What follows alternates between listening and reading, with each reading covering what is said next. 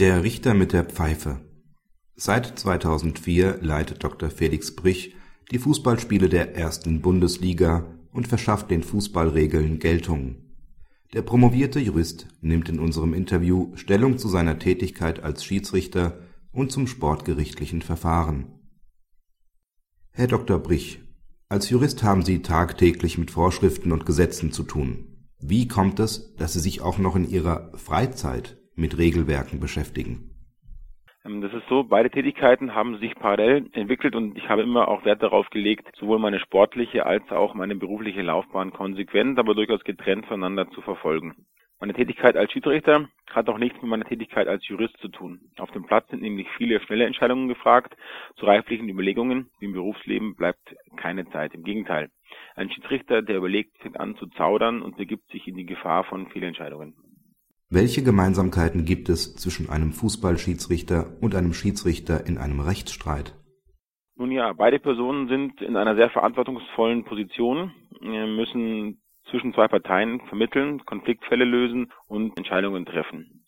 Gemessen werden die Schiedsrichter oder eben die Richter am Gesamtergebnis ihrer verschiedenen Entscheidungen zum Ende des Spiels bzw. des Rechtsstreits. Ein Schiedsrichter trifft etwa 220 Entscheidungen pro Spiel, der Richter in einem Rechtsstreit wahrscheinlich nicht ganz so viele und vor allem nicht äh, ganz so viele in ganz so kurzer Zeit. Das Gerichtsverfahren ist durch ein umfangreiches Beweisverfahren gekennzeichnet. Was halten Sie von der Einführung eines Videobeweises im Fußball? Da müssen wir unterscheiden, denn das Gerichtsverfahren ähnelt eigentlich nicht der, der Tätigkeit eines Schiedsrichters auf dem Platz, sondern dem Sportgerichtsverfahren. Das heißt, dort, wo genügend Zeit für eine Sachverhaltsaufklärung besteht, ist es auch durchaus sinnvoll, elektronische Entscheidungshilfen anzuwenden, etwa zur Festlegung von Spielsperren für Spieler oder zur nachträglichen Bestrafung von krass sportwidrigem Verhalten. Eine Diskussion, ob diese elektronischen Hilfsmittel auch im laufenden Spielverlauf eingesetzt äh, werden sollen, erübrigt sich. Denn der FIFA International Board, die ähm, höchste Regelinstanz, hat erst dieses Jahr im Frühjahr auf einer Exekutivsitzung entschieden, dass diese elektronischen Hilfsmittel wie eben der Videobeweis, der Chip im Ball oder auch die Torkamera nicht eingeführt werden. Es gibt mittlerweile allerdings Experimente mit einem zusätzlichen Strafraum Schiedsrichter. Sind die Entscheidungen des Fußballschiedsrichters gerichtlich überprüfbar?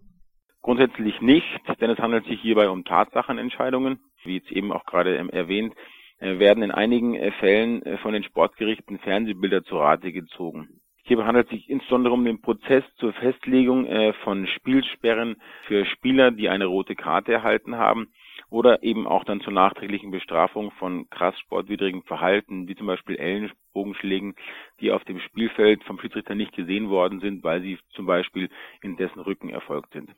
Wie läuft das Verfahren vor dem DFB Sportgericht ab?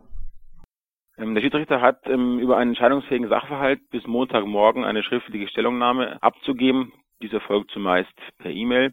Anschließend wird aufgrund dieser Stellungnahme gegebenenfalls auch eben der entsprechenden Fernsehbilder und den schriftlichen Stellungnahmen der beiden Vereine, Trainer, Spieler oder eben dann generell gesagt der Beteiligten vom Sportgericht des DFB auf Antrag des DFB-Kontrollausschusses ein Urteil gefällt.